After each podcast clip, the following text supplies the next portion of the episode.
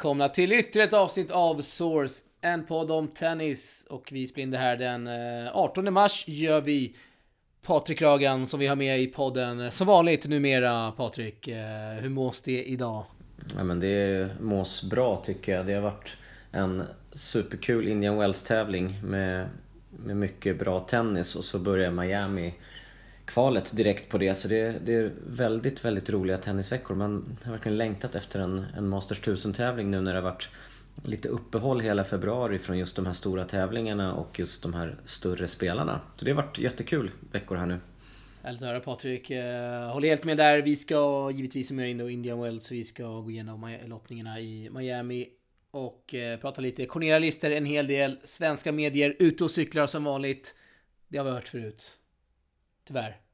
Japp, den har vi hört. Eh, man fortsätter att göra det. Man lär sig till- inte av sina men det- misstag här. Svenska medierna som skriver om tennis. Ja men framförallt är det ju samma återkommande personer som känns det som, som gör det här felet fast de har väl fått, det har blivit kommenterat och de har fått reda på att det är fel. Ändå så fortsätter man att göra det här felet kanske för att det är mer, man får bättre rubriker genom att skriva Ja. så. Det blir mer intressant av att höja turneringarnas status fast den kanske inte har det Det statuset. måste nog vara därför just rubrikerna, eh, tänker jag, i och med att det är eh, tennis intresserat folk, tennisjournalister som skriver om det här också. Ehm, Så det, Precis, det kommer vi precis. komma tillbaka till. Lite svenskkollen, vi ska gå igenom svenskarnas resultat här eh, senaste perioden. Eh, Men vi börjar då i, eh, i eh, India Wells förra veckan där vi hade Andriescu, kanadensiskan, som vann eh, Vann tävlingen, fick ett wildcard 18-åringen, eh, 18-åriga Andriescu från Kanada. Vilken grej. Ja, det är helt sjukt. Det här måste ju vara en av de eh, absolut största skrällarna eh, på ja, både dam eller herrsidan på, ja, jag vet inte när, när det var ett sånt här liknande resultat tidigare. Ett wildcard i hennes ålder vann en sån här stor tävling. Helt fantastiskt. Hon hade inte gjort mycket resultat innan heller. Innan den här Nej. tävlingen. Eh, sju segrar tar hon här eh, mot Muguruza. Alltså hon slår ju ett gäng före detta världsettor. Bland annat då Muguruza och, och Kerber. Svitolina slår hon också. Ja, det gör hon ja, precis. Mm. Eh, finalen där, eh, Andriescu hade lite krampkänningar i slutet.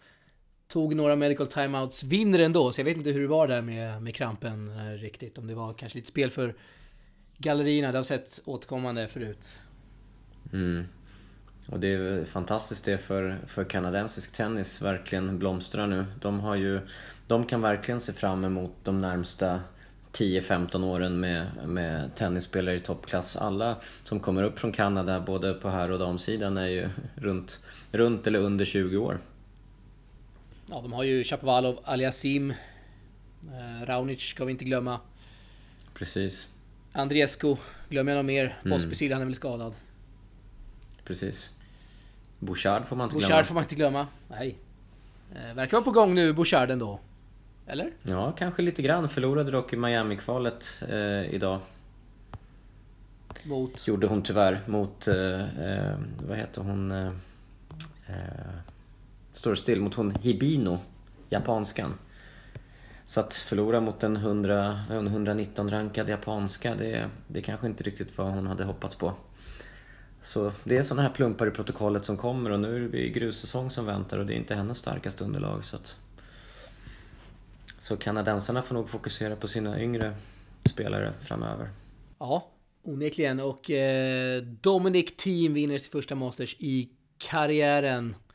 Slår eh, Federer där efter tre set. Vad kan vi säga om eh, Team insats där och... Eh, ja, men... Eh, hela, den, hela den finalen, Patrik. Ja, alltså jag tycker att, eh, jag, såg ju delar av den här finalen, gick ju tyvärr lite för sent men jag har hunnit och, och kika lite grann. Och det är väl bara att vara eh, liksom, imponerad över hur, hur bra team spelar det här och lägger upp matchen taktiskt väldigt bra också. Jag märkte att han körde ju samma sak mot Raonic med de här servarna som studsar långt ut. Han får sån bra kick ut mot backhandsidan i, i, i fördelrutan så att han har Ja och han, man, liksom, bollen och banorna passar honom perfekt. Det är hyfsat höga studsar, ganska långsamt.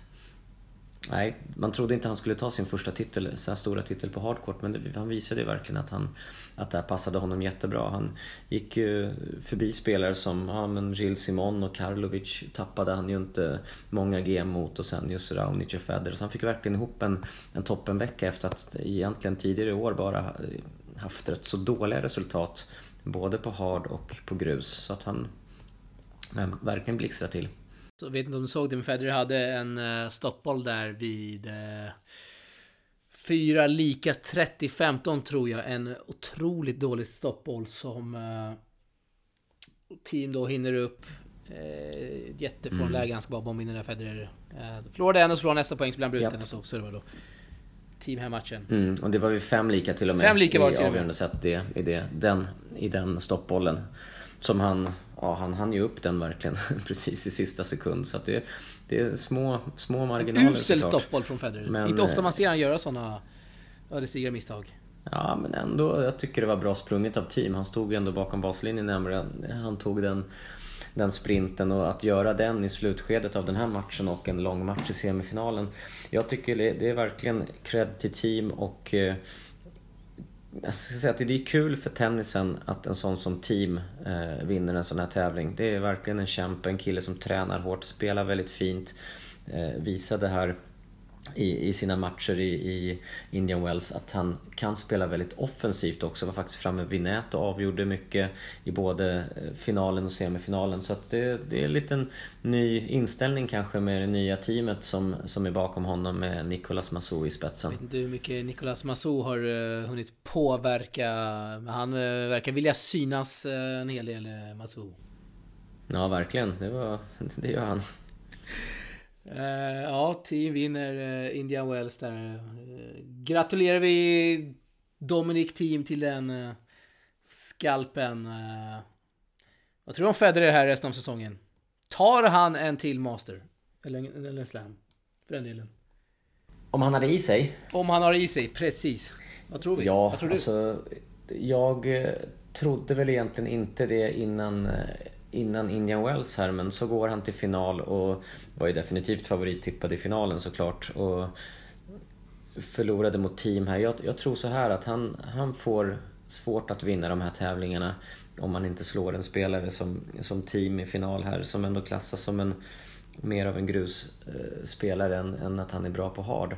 Så att när Djokovic är så stark som han är på hardcourt. Zverev kommer bara bli bättre och bättre. Jag tror att han eh, kommer ju bara få det tuffare. Alla de här som kommer underifrån eh, kommer ju också bara bli bättre och bättre för varje gång. Det, det, nej, jag vet inte. Jag, jag känner att, eh, att komma upp i, i 108 titlar och Jimmy Connors rekord, det blir, det blir svårt för Jag honom. tror inte på det kan jag säga här rakt av. Nej, nej jag gör ju inte heller det. Jag gör ju inte heller det. Jag tror du skulle vara för det med... Ja, nej, men jag, jag tyckte när han vann Dubai, det var ju jättebra som en 500-tävling. Men jag tror, att, jag tror att de här spelarna som Choric, Kachanov, Tsitsipas Ja men team nu och Zverev, alltså de här kommer bli bättre och bättre för varje år. Det kommer bara bli svårare och svårare för honom. Djokovic håller fortfarande en väldigt hög klass. Nadal ska man ju inte glömma såklart heller, även om många dömer ut honom på hardcourt nu att hans knän inte klarar av det. Men men nej, det blir oerhört svårt tror jag för Federer. Vi får se här i Miami nu. Som blir hans sista chans att vinna en tusen-tävling kanske för en eh, Cincinnati och Kanada sen i augusti. För på grus eh, tror jag inte att han kommer gå långt i, i Madrid till exempel, dit han är anmäld. Ja, eh, får helt enkelt se här. Vi har, eh, på tal om Miami, vi går över dit direkt då. Vi har eh, svensk intresse i form av Elias Ymer som har, eh, ja för någon två timmar sedan när vi spelade in det här, har förlorat mot Mitchell Kruger efter, efter eh, tre set. Eh, många matcher på sistone för Elias Jimen, han har just torskat väldigt jämna matcher. Vi har, eh, vi har matchen i Rio de Janeiro. Eh, den torskade i tre set. Vi har en veckan innan i Buenos Aires. Vi har en i Sao Paulo, i Indian Wells mot eh, Frat Fratangelo där i första rundan. Och eh, förra veckan var i, i Phoenix Challenger mot Kasper Rud. Många förlorade tresetare på väldigt kort tid. Det var, är det, ja, det måste... alarmerande statistik? Eller vad, vad, säger du? Nah, det är väl... Frågan är om det är det, det mentala eller är det det fysiska, att han inte orkar eller att han eh, tänker för mycket på det, att man kommer in i någon, någon ond spiral och man får dålig, dålig confidence. Det är klart att det, att det tråkigt när, när marginalerna är emot en hela tiden och, och mot Kryger var det samma sak, han förlorade 6-4 över en set och, och får ladda om nu och nu blir det väl grus som gäller för honom och det är kanske ett underlag som han historiskt sett i alla fall haft bättre resultat i som kanske kommer kunna göra att det, att det vänder lite grann för honom. Ja, men just av de här tre nämnda, eller av de här nämnda matcherna så är det också tre grus-torskar där i eh, Argentina mm. och Brasilien. Yes, men... det är det också. Och egentligen alla dessa, eller ja, skulle jag säga, matcher är mot motståndare som, som han eh, egentligen har varit favorit och kanske förväntats vunnit emot. Ja, absolut. Får man väl ändå säga. Stod som 1.46 idag på oddsen mot Kruger, Kruger eller vad man uttalar mm. det. Hade, vann första set där, tiebreak 7-6, eh, sen förlorade han 6-0, 6-4. Mm. Så det, ja, det gick fort där. Tyvärr. Ja. Ja, desto roligare med, med brorsan då som egentligen haft ett, ett väldigt bra år eh, hittills. Vunnit betydligt fler matcher och att slå Ryan Harrison här i första omgången i kvalet är ju är ju såklart en bra vinst, även om Harrison kanske inte har varit den formstarkaste. Men det är ändå en kille som har varit rankad topp 100 i flera år och, och som har bra kapacitet och bra spel i sig. Visst är det så. Såg den matchen. Eh, Ryan Harrison spelade inte alls bra. Eh, stora siffror där. Men eh, ska, man inte ta, ska man inte ta Mikael Ymer ifrån. Eh, vi har... Eh, Eh, vad har vi för siffror där? Vi har... 6-1, 6-3. Det är eh, en överkörning får man väl ändå säga från Mikael Ymer. Ja, verkligen, verkligen. Det är stabilt. Så att, det blir spännande. Möter Noah Rubin nu i kvalfinal. Just det. Och, och, eh, det blir repris där på Nomea Challenger-finalen. Just det. Ja, det blir det. Exakt. Bra där. Noah Rubin som har ett eh, uppmärksammat Instagramkonto som heter Behind, Behind the Racket. Har du kikat där innan någonting? Nej, jag har inte gjort det. Inte? Det är faktiskt väldigt Nej. bra Väldigt bra innehåll där han då intervjuar olika spelare som, får, som tar upp då olika problem de haft i, eller har i sitt liv. Det kan vara panikångestattacker och Jaha, vad intressant. Missbruk Mycket i familjen och allt bra. möjligt. Just om tennisspelare då på touren. Madison Keys har ja. varit ute och skrivit så här. Så det, det ska man kika in. Behind the Racket på Instagram. Ja, verkligen. Bra för alla tennisfans. Vi har eh, Jonna Larsson och Petersson, Rebecca Petersson som eh, spelar i huvudturneringen. Men båda kommer dra då kvalspelare i sina första omgångar som vi inte vet, som inte har dragits ännu. Japp, och såklart så har ju Apropå eh, lottningar, de har ju kvalspelare i första omgången men sen kunde det väl inte bli så mycket svårare än vad de har faktiskt fått i andra omgången alltså. Det, det är egentligen drömmotstånd för båda två om man vill spela på en stor, stor de kommer få stor bana och de kommer få eh, utsålt och mycket publik så att eh, på så sätt är det en kul eh, match i andra omgången. Det är ju Serena Williams och Simona Halep som väntar för de två om de skulle vinna mot sina kval, kvalspelare. Men kvalspelare är inte underskatta. och Halep för Johanna. Precis. Och kvalspelarna, det vet man ju, de har ju två matcher i kroppen när de kommer in i, i första omgången och har spelat in sig med bollar och underlag. Så det är verkligen tufft från början också. Kvalspelare är inte underskatta. Nej, jag tänker så här, borde vi inte ha lärt oss eh, läxan redan med att inte blicka framåt allt för mycket? Vi hade väl... Eh, alla var väl ute och skrev att oj, nu ska Elias Ymer möta Novak Djokovic. Innan han eh, då mm. ens mötte Björn Fratangelo. Så blev det torsk i den matchen, så blev det ingen Djokovic ändå. Precis, så är det ju. Kanske att man borde... Vänta lite här med att, med att räkna in de stormatcherna. Det är väl det. Har vi några mer spaningar från Miami? Eh, det kanske vi har en del eh, Patrik. Vad har du som du vill ta upp här? Om just Miami. Ny arena är det i alla fall, det vet vi. Precis, ny arena och det ser ju väldigt, väldigt fint ut. Jag har sett bilder på det där. Men eh, utöver det så, om vi tänker spelarna och, och, och lottningarna så har ju vi har ju tyvärr ingen Nadal och ingen Del Potro så där försvinner ju två stora spelare. Men eh, det är som vanligt alltid de här Masters 1000-tävlingarna och framförallt de här som går över två veckor med extra stora lottningar är ju jätte, jätteintressanta och se hur det kommer gå för de här framförallt yngre med, med Tsitsipas och Shapovalov och, och Zverev, de här som egentligen misslyckades i Indian Wells. Kommer de kunna komma tillbaka och vara, vara bättre här? Samtidigt vi ser David Ferrer göra sin sista Miami, han mötte Sam Querrey första omgången, en bra match. Ehm, så att det, det är många bara Feliciano Lopez mot Benoit Per första omgången, det är en sån här match som som eh, jag kommer definitivt kommer att sitta och titta på två spelare som är väldigt mycket liksom, sevärda. Så att, äh, det, blir, det blir jättekul att, att följa här. Jag tror John Isner till exempel vann ju den här tävlingen förra året. Kommer ju ha väldigt svårt att, eh, att återupprepa det. Tror jag. Blir intressant att se. Det kan man göra på Tennis-TV eller diverse fulstreamar som vi borde veta vid det här laget. Jag tror att Kevin Anderson kommer bli farlig. Han har varit eh, borta nu ett tag och, och eh, samlat kraft och varit lite skadad men ändå har ju visat sig ibland att, eh, eller ofta visar det sig att när man är borta ett tag kommer tillbaks extra utvilad, extra sugen. Jag tror att han kommer bli farlig i den här tävlingen. Kevin Andersson, där hörde ni det från Patrik Ragan. Tråk-Kevin som vi har kallat honom tidigare. Inte bara ta Djokovic. Mm. ja. Nej, Djokovic har faktiskt eventuellt Thomas Berdy i andra omgången och det är en, en toppmatch direkt. Ingen, ingen att underskatta för honom. Så att det är några sköna matchups det kan bli. Kyrgios får vi se om han kan vara lika farlig som han var i, i Mexiko. Det är också en, en spelare att hålla utkik efter. Borna Coric, så det, ja, det här kommer bli superkul. Jag ser fram emot den här tävlingen.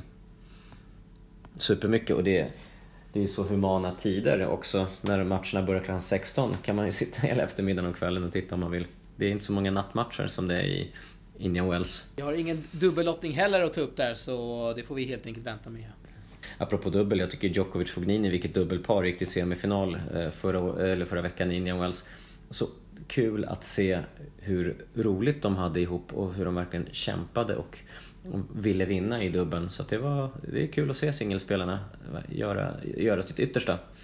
Just singelspelare där har vi Ceballos Mektic, osidade, vinner hela India Wells. Eh, båda mm. två som ja, eh, har väl varit in... Jag vet inte om Mektic har varit inne i topp 100, men Ceballos i alla fall har väl vunnit en ATP-titel.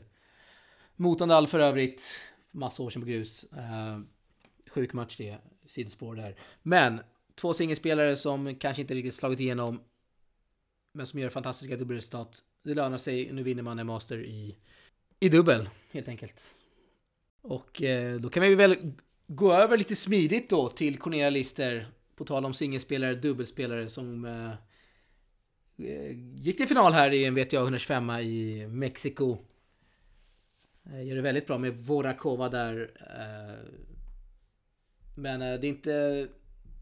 Ja, självklart ska vi lyfta fram då Listers insats, men det är inte det framförallt vi ska ta ut här. Det är ju, som vi har varit inne på, rapporterandet kring det Patrik.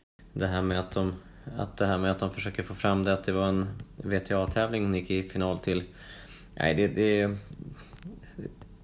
det är uselt. Ja, det, kan det vi, är tråkigt. Det är okunskap. Det kan vi faktiskt eh, kasta ur Ja, absolut. Det är uselt och det är okunskap från, från de som, som jobbar med tennis och skriver om det här. Och det tror jag till och med har det skrivits på till och med Svenska Tennisförbundet. Eh, det ska jag gå in här och kolla, men eh, vi har det på, vi har det på Fairplay så skriver man här, Lister föll i WTA-finalen i Mexiko. Eh, och så har vi ett mm. citat här, att spela WTA-final i Mexiko är en av mina bästa erfarenheter, säger då Cornelia Lister. Så hon har ju också svalt betet, helt klart. Jag vet inte om det är från, från VTA man har misslyckats med att nå ut med, med information om hur deras, deras pyramid ser ut vad gäller olika typer av tävlingar där den här kategorin inte klassas som en VTA-tävling. Så skulle hon vinna den här så har hon ju fortfarande vunnit en så kallad Challenger som den heter på här sidan. Precis, en VTA 125 är ju motsvarar då en, eh, en större Challenger. Man säger inte en eh, ATP-tävling när ja, Mikael Ymer vinner då en större Challenger liksom. Är... Nej, så att det där är... Ja, jag vet inte hur mycket det är att bry sig om men det, det är såklart att det, det är skitdåligt att, att de inte har koll de som skriver om det. Och använder det kanske bara för att det blir, ser bättre ut i, i rubrikerna. Det är klart man ska bry sig när det liksom står överallt. Vi har Skånesport, vi har tidning eh, Korren där i, som skriver det också här om eh, de når sin första WTA-final. Vi har GTG Journal, Jonas Arnsen som skriver det också att Lister når sin bästa världsranking efter första finalen på WTA-touren. Och så har vi då en 125 som kommer här i sommar. Och vad ska folk tro då? Då kommer de självklart tro att det är en riktig WTA. Fast det inte är det. Så det är klart det är viktigt att ta upp här, känner jag. Ja, så är det ju. Och det är det som är... Alltså deras steg, det lägsta de har är ju en, en nivå som heter international. Och det är de här som brukar ha ungefär dubbla prissumman mot den, den som var här. Och under den här international, då är det ju den här nivån. Det är bara att de som skriver om det vet ju inte det för att jag vet inte hur det ser ut på VTAs hemsida om, om, om det ser tydligt ut där eller vart ifrån det kommer att det här är en VTA-tävling. Var får man, var, varifrån får man att det här skulle vara en VTA-tävling? Det är det jag undrar. Jag tror det har mycket med namnet att göra. Just att det heter en VTA 125. Och sen så orkar väl folk inte bry sig och läsa på. Och allt som det man borde göra, framförallt om man jobbar med media och skriver om det här. Eh, och så blir det en sanning för folk som läser och så sprider det sig vidare. Och så når det ändå väldigt illa så når det liksom journalister och så skriver, säger hon det att det här, det här är en VTA-final och bla bla bla hit och dit. Så det, det bara sprids vidare och det, har ju, ja, det går ju väldigt fort. Men det jag kan tycka är det positiva men det positiva med det är att, att hade man trott att det inte var en VTA-tävling då kanske man inte hade uppmärksammat det här och nu får ju ändå Svensk Tennis uppmärksamhet och eh, framförallt Cornelia som lägger ner väldigt mycket tid och kraft och, och, en fantastisk eh, prestation och idrottskvinna så att det är superkul att hon lyfts fram och ges eh, möjligheter att få, få den här publiciteten så att det, det tycker jag ändå är det positiva i, i det här felet som har begåtts i hur man beskriver de här tävlingarna så blir det ändå lite, lite skriverier. Ja, hon är ju inte boven här ska vi säga. Nej. Så vi Herregud, vi kastar inte skit på henne. Hon har gjort det fantastiskt bra. Eh, det är folk som skriver om det här helt enkelt. Mm. Alltså, det är bra att de skriver vi i alla fall. veckans mest obskyra där skickar vi direkt ut. Till alla som har spridit missinformation. Det gör vi Patrik. Japp, det gör vi. Veckans mest obskyra, mm. alltså. eh, årets första för övrigt. Ja just det. Veckans mest obskyra. Kommer i mars månad. Ja, härligt. Helt ruvat här. Ja. ja. Eh, vad ska du säga? Sorry. Nej, jag, var en fråga. det lät som att du skulle säga något så avbröt jag Nej, jag, jag tycker eh, vi går till nästa ämne. Någonting säger mig att vi kommer snacka om det här sen när det vet jag 125 närmar sig i sommar. Ja, i Båstad, absolut. Det, det kommer... Och jävlar kommer det stå VTA, VTA, ja, VTA Ja, det kommer alla kommer kalla det för VTA-tävling. Så är det ju. Hur mycket man än kommer skriva i kommentarsfält att det här är inte en VTA-tävling. Så. Då ska vi gå vidare till Svenskkollen. Patrik, det vi brukar avsluta varje podd med och summera svenskarnas insatser här senaste tiden. Eh, nej men det, det vi kan lyfta fram egentligen från, från svenskresultaten är väl att eh, eh var i alla fall en dubbelfinal som som eh, Carl Friberg och Simon Freund spelade i Kalifornien förra veckan. De, de gick till final i alla fall. I singel har det väl varit uh, lite mindre framgångar tyvärr. Men uh, en kul match som faktiskt kommer den här veckan är ju att uh, Mackan och Christian Lindell möts i första omgången i Kroatiens Future. Oj, den har jag helt missat. Mm. Den har gått helt under radarn. Där har du något att se fram emot. Det är bara att streama in dig från Rovini i den där Finns matchen. det stream därifrån? Vad sa du? Sa du att det fanns stream? Sa du det? Nej, det vet jag inte. Får ju hitta någon ful stream. Den spelas på onsdag, så du har, en, du har några dagar på dig. Ja, vi vet att vissa, vissa Futures brukar ha full, full stream. Långt ifrån alla, men vi får hoppas där. Det blir riktig popcornmatch att se fram emot. Mackan Eriksson mot eh, Christian Lindell som eh, varit lite skriverier om här senaste åren. Ja, han ja, ägnar sig väldigt helt, mycket. Helt fel anledningar faktiskt. Kanske ägnar sig åt annat än tennis, ja, förutom det, det du syftar på. Han har väl varit DJ och kört lite annat under tiden. Parallellt ja, med tennisen. DJ framförallt där. Det eh, finns ett mycket sevärt klipp när han la upp en Insta, eller han. Det var någon festival där i Brasilien. Just det. Så la upp en Insta-story och eh, Lindell körde någon riktig dänga där. Eh, klipper vi in här. Mm.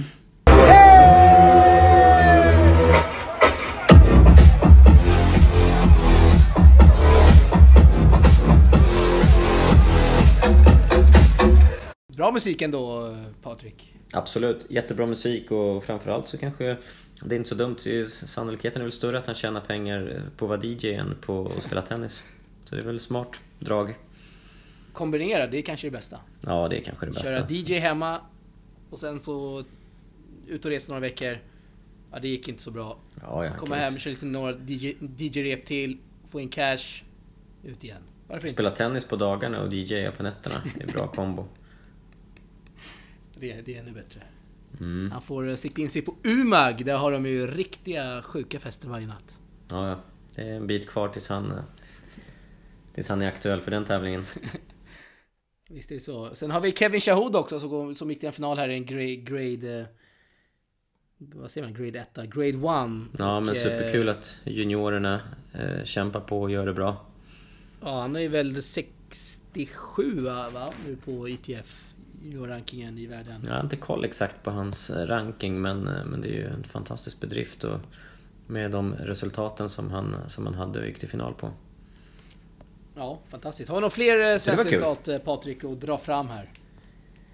Nej, det har jag väl egentligen inte utan det har varit den här veckan som har varit, eller veckorna som har varit har väl inte, ja, svenskarna inte riktigt rosat marknaden utan det kämpas på där ute på ITF-nivå men utan, utan några riktigt eh, bra resultat. Tyvärr. Men det kommer. Får... det här är ju bara en vecka av alla. Det får vi hoppas på. Vi håller tummarna här i, från Source, det gör vi.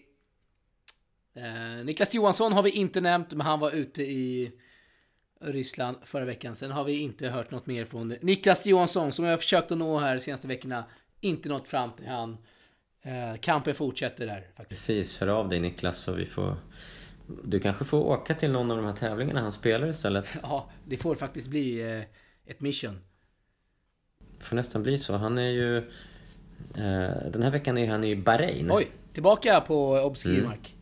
Ja, ja precis. Och han möter ju i första omgången, häng med nu, Vorovin Kumton Kittikul. Har du koll på honom? Nej, men det låter som en thailändare. Stämmer.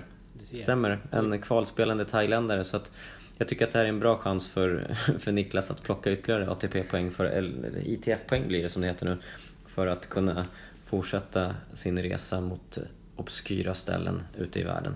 Det finns ju för många frågor kring Niklas Johansson för att inte försöka nå honom. Hur har han råd med att åka till de här obskyra ställena vecka efter annan? Eh, vem, vem finansierade hans satsning? Hur ser hans upplägg ut? Precis, hur tränar han och tränar vad är målen? Och... och... Japp. Farsan åker med han vet vi i alla fall. Ganska mycket. Ja, vad kul. Ja, då är en kul, kul resa att göra. Han har ju... Om man skulle kolla hans senaste, säg... Vad ska vi ta? Fyra, fem månader tillbaks i tiden. Då har ju hunnit med att vara i Kuwait, Mosambik, Kamerun, Pakistan, Egypten, Tyskland, Norge, Ryssland och nu Bahrain. Det är helt fantastiskt. Det är helt otroligt. Nämnde du Uganda Vilken också? Vilken resa. Ja, den kom väl... Jag tror han var i Nej, jag nämnde inte det, men den, den nämnde du. Så att ytterligare en... Ja, det är helt otroligt. Något att lägga till.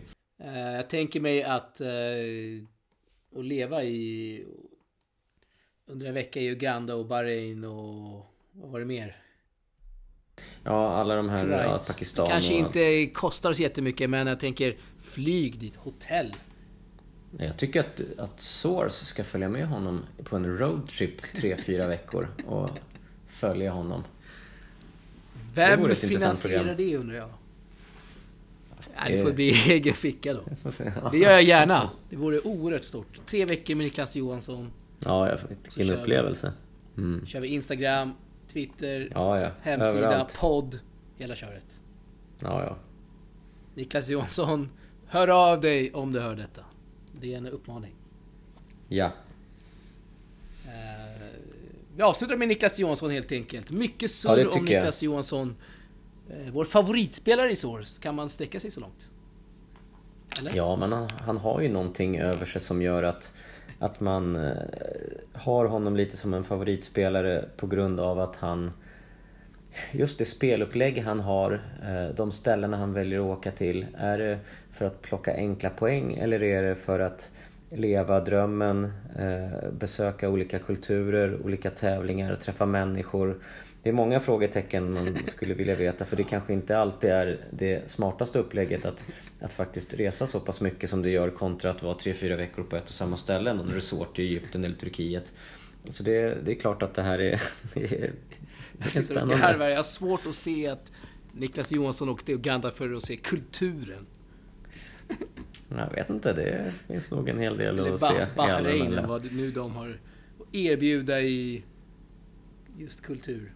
Det kanske de har. Jag kanske har helt fel. Det tror jag nog att de har. ja, nej, det, det får vi helt enkelt eh, lösa, tycker jag. Eh, ja, en halvtimme här Patrik. Det blev eh, under en halvlek i fotboll. Det vet jag att du gillar. Ja, det tycker jag är alldeles lagom. Lagom gillar du och... Behövs inte så mycket mer. Nej. Ibland kan det behövas det känner jag, men kanske inte just... Jag tyckte det var en bra sammanfattning av Indian Wells, eh, svenskarna, svenskorna och allt eh, som har varit gångna veckan. Så att nu ser vi fram emot Key Biscayne och så kör vi ett nytt ryck efter det. Det gör vi Patrik. Och jag tycker att det är min tur att avsluta med en låt här. Denna gång du fick köra förra. Jag tycker att vi kör låten Forza med Jireel. Som en hyllning till alla svenskar där ute som krigar på touren. Framförallt Niklas Johansson som åker upp till de här obskyra ställena. Försöker plocka poäng i någon form av hopp om att nå sin dröm en vacker dag. Som kanske lever sin dröm just nu, vem ja, vet. Men Forza med Jireel blir Patrik. Det är bra grejer. Härligt. Har du hört det förut? Nej, det har jag inte gjort. Nej, det är en riktigt bra, riktigt bra låt. Eh. Ja Patrik, vad säger vi här? Sista grej till våra lyssnare. Nej, jag tycker vi tackar för, för att eh, ni tog er tid och lyssnade och verkligen superkul att det är så många som följer Source och eh, poddarna och det tv-programmet som, som du har gjort. Så att det är bara att fortsätta att ställa frågor och funderingar och tips på ämnen och allt som är aktuellt så, så fortsätter vi beta av det. Vi finns på Instagram, du finns på Instagram, Patrik, Patrik understreck Ragen heter du va? Yes. Bara höra av er. Vi hörs om en vecka. Hej då så länge. Hej då. Celebrate hon är fine liknar snow. På sitt face gör mig full som igen Som en dag i LAS Aldrig hem igen Jag vill ha en löven Som en brinnande jävel Måste ringa till 112 Plocka mig när det är över Håll dig tight som Yuji Dansa för mig en rolig Bara jag vet att du är mad du förtjänar en trophy. Forza mi da forza ja. Att hålla kvar dig ja. Forza mi da forza ja. Feels det är feelings vi har. Jag ska leva tills min tid tagit slut. Se mig fira till min sista minut. Jag ska leva tills min tid tagit slut. Jag svär det är du som håller mig stark och är. Jag håller på att hitta en lösning att visa min kärlek för dig. Jag vill att du är på min mode så du inte blow me away. Håller på att hitta en lösning att visa min kärlek för dig. Hey, visa min kärlek för dig.